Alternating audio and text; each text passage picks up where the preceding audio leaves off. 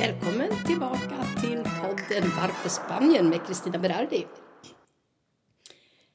Idag kommer jag att prata lite grann om elkostnaderna. I september så var det på en rekordhög nivå. Hela 132 och 47 euro per megawattimme.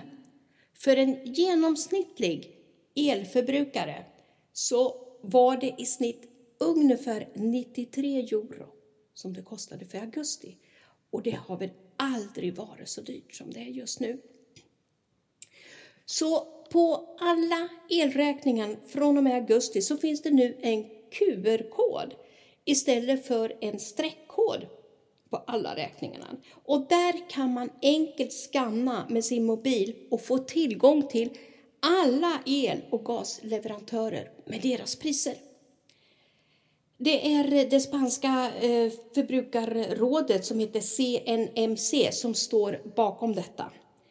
Elmarknaden har ju varit fri under många år, men de flesta har faktiskt inte brytt sig om att byta leverantör.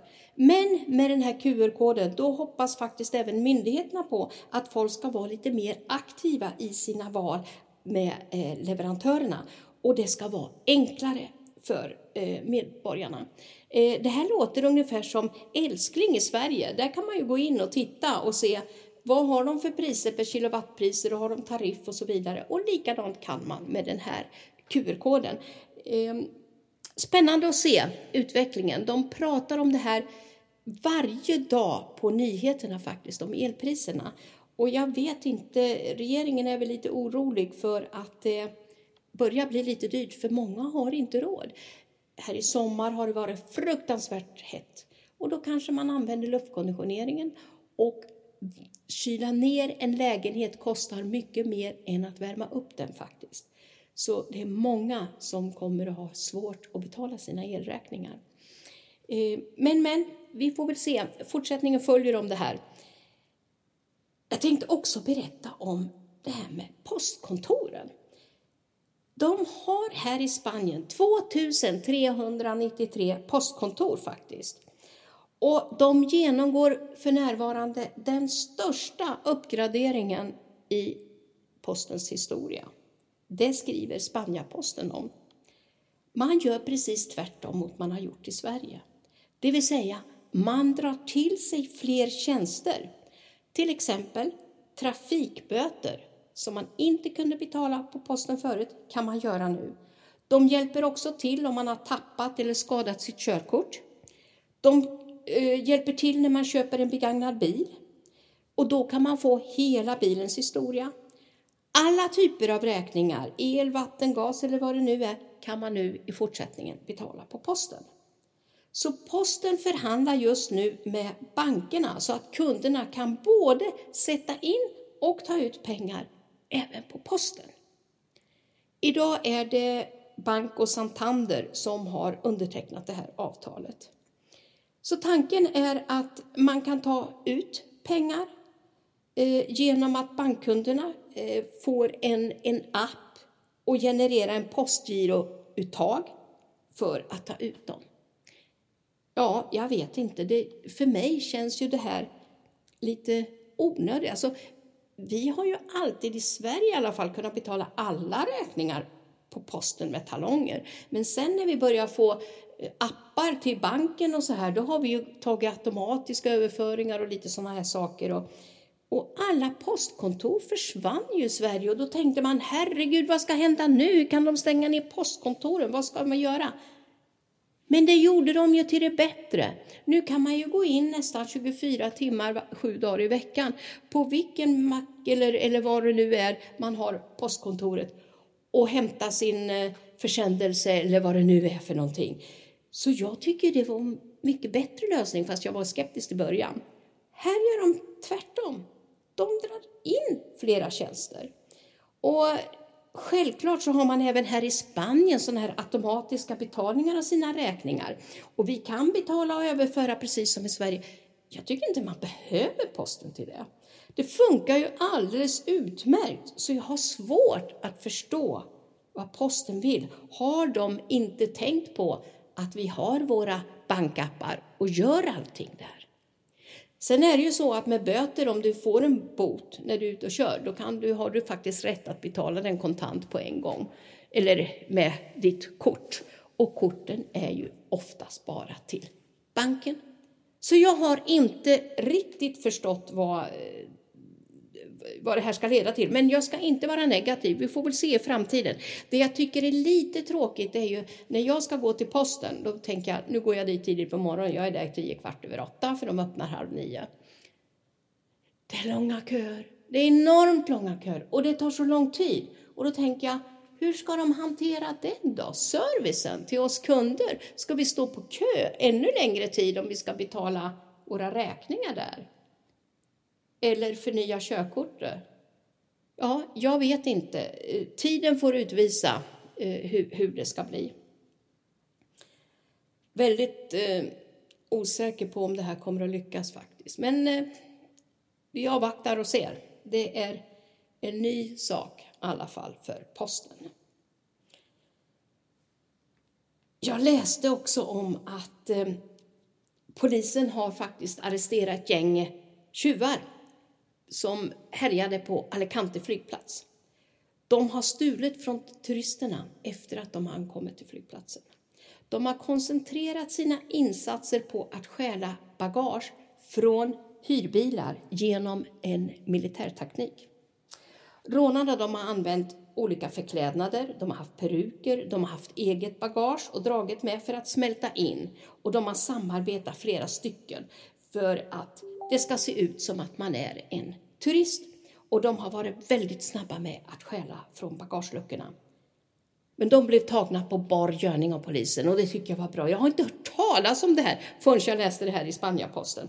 Och det är superbra att de har fått tag på på de här, för det är ju väldigt otrevligt. Jag kan tänka mig när man kommer ny, kanske första gången också till en flygplats. Man kanske inte är så uppmärksam, man går och tittar på skyltar och letar bil och vad det nu är för någonting. Och då, då glömmer man lite grann om att man har ögonen på sig, för de här har lika bra ögon som polisens spanare har.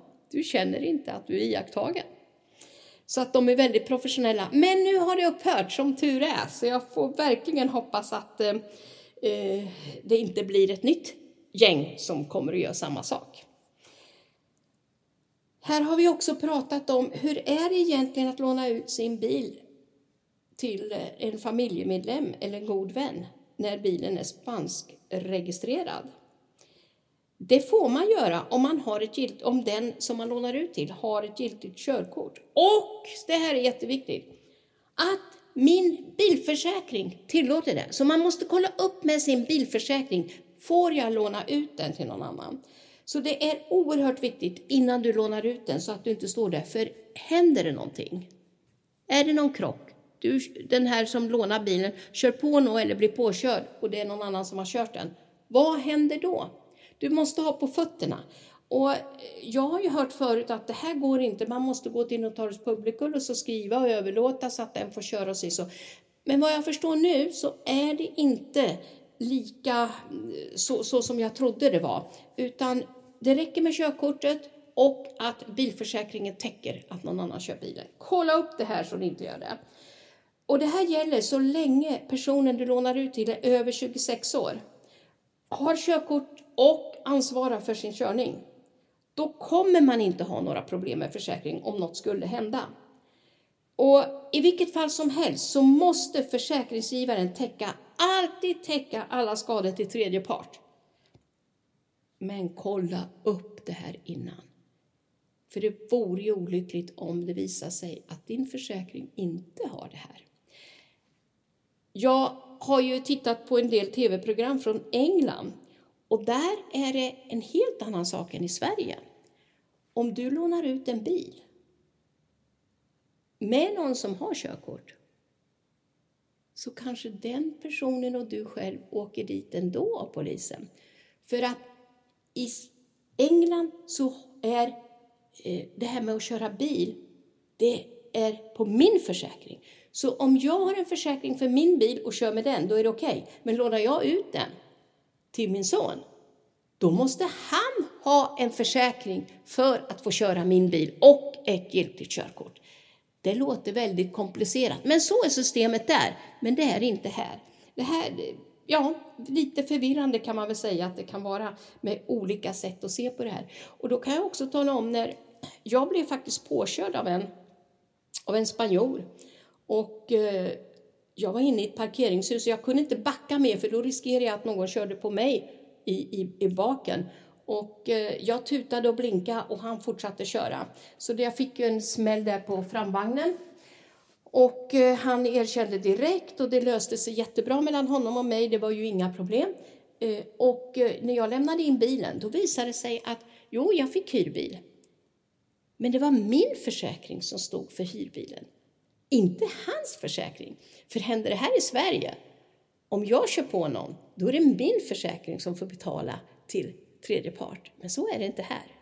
Så det måste man ha försäkring. Och då var det så förnuligt att när jag då kommer in med den här till verkstaden så ska de gå igenom och titta och uppskatta kostnaden för det. Sen meddelade de eh, försäkringsbolaget hos den som körde på mig och de gav klartecken. Så fick jag en tid att åka dit och när jag kommer in till verkstaden då får de skriva ett intyg att nu har bilen emottagits här och eh, då så skickar de in det här till försäkringsbolaget där det också står vad de ska göra och när den beräknas vara klar. Och sen ringer de efter en taxi, tar mig till en biluthyrningsfirma där jag får hämta en bil och så får jag åka hem. Och sen när jag ska få bilen tillbaka, då åker jag tillbaka till biluthyrningsfirman. Samma taxi kommer och hämtar mig och kör till bilfirman och jag får hämta min bil. Och detta kostade mig ingenting. Och det har inte heller påverkat min försäkringspremie på, på min bil. Så det är lite annorlunda här. Men det var en ny erfarenhet faktiskt att eh, det gick på min försäkring och inte på den som åsamkade mig eh, skadan på bilen. Men, men så kan det vara. Hörrni, det är ju så här att eh, vi har ju haft otroligt varmt i sommar. Eh, varje år så glömmer jag, eller rättare sagt när det är vinter, då glömmer man hur varmt det var på sommaren. Men när man är mitt i sommaren här, juli, framförallt augusti och eh, här i september har det varit otroligt varmt. Och eh, när jag, eh, du vet, jag är inte så förtjust att ha luftkonditioneringar på. För det, det sätter sig i halsen på mig och jag mår inte bra. Så det jag gör på kvällar, på dagarna försöker jag stänga igen så mycket som möjligt så inte värmen kommer in. Och sen på kvällen, då brukar jag öppna lite korsdrag och sen har jag eh, fläkt i taket i sovrummet som jag sätter på. Och eh, det var här en morgon, förstår ni, när jag vaknar och kommer ut, tänder lampan och ser, där borta är det något svart, är det en kackerlacka som ligger här. Jag går dit, mycket riktigt, jag är nyvaken. Och jag kan inte stampa ihjäl den eller göra någonting för att den ligger blickstilla och jag är barfota och har precis vaknat. Och vad gör jag då? Jo, då går jag och hämtar en sko och försöker slå ihjäl den. Det har jag gjort förut. Jag tror det där är en myt att det kommer ut massor med barn från dem. Jag har aldrig sett det när jag haft ihjäl dem. Men i alla fall. Då springer den rackaren. Och han springer ju under soffan. Och jag tänder ju alla lampor och ragar, jag, jagar den där och kommer med sprayen. Jag duttar väl lite grann spray på honom. Men jag, jag, jag höll ju på att bli galen och jag hatade det. Och då tänkte jag, var har den kommit ifrån? Ja, naturligtvis. På kvällen när jag inte hade lamporna tända, har mitt korsdrag, då har ju den rackan flygit in här, för de flyger ju. Då har han flygit in här. Och nu börjar jag bli alldeles orolig, för jag gillar ju inte kackerlackor. Det gör väl ingen. Jag tycker de ser så äckliga ut, även om de kanske inte gör mig någonting. Men i alla fall, jag har jagat den där och jag har stängt dörrarna till toalett och sovrum och alla dörrar som finns här för att han ska vara på en plats och jag ska hitta honom. Tror ni jag hittar honom? Jag har fortfarande inte hittat honom. Jag letar med ljus och lykta, höll jag på att säga. Var är han? Jag har inga kackerlackor inne. Jag har inte hittat någon någonstans. Kanske jag råkar döda honom. Kanske jag måste se, kan man vända upp och ner på soffan och se om han på något sätt, när jag sprutade det här, han sprang under soffan, att han satte sig uppe någonstans på soffan och dog där. Och nu har jag det här, nu måste jag på något sätt vända den här soffan och ni vet soffan är en sån här eh, eldriven som man kan lägga sig ner.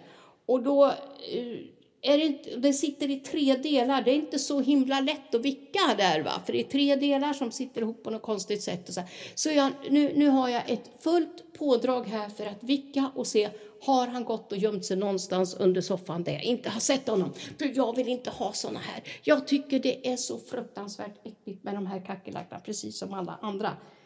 Men skönt att jag inte har sett några fler eller att det börjar krypa. Ofta så kan de dras till kök och sova mat och där det är lite smutsigt och sånt där. Inte en enda än, så förmodligen är han död. Tänk att man kan önska livet av någon, men så kan det vara ibland. Nu har vi lite mer normala temperaturer. På morgonen ligger väl kanske temperaturen på 24-26 grader. Förut var den 28-30 grader. Och kvällarna är riktigt ljuvliga och framförallt när det kommer lite brisar så här, det kommer en vind och sveper om en och fortfarande alldeles för varmt för att ha långbyxor, tröja eller någon lätt jacka. Går inte, man svettas. Mitt i natten kan man gå hem och det är alldeles ljuvligt. Jag älskar den här tiden och det här kommer vi ha, ja nu är snart eh, september slut, men det här kommer vi ha i september och nästan jag har en stor del av oktober också. Och jag älskar den här tiden. Svalt på morgonen, svalt på kvällen, natten. Man kan ha fönstren öppna, men se till att man har sån här myggnät så ingen kan flyga in. Förstår ni? Jag har ju myggnät, men inte på fönstret där jag har min tvättstuga. Det var där den flög in. Ja, ja, så kan det gå, men hörni, jag önskar er en riktigt, riktigt skön dag och kväll och ta det lugnt och tack för att ni lyssnar på mig, Kristina Berardi, med Varför Spanien-podden. Tack och hej för mig!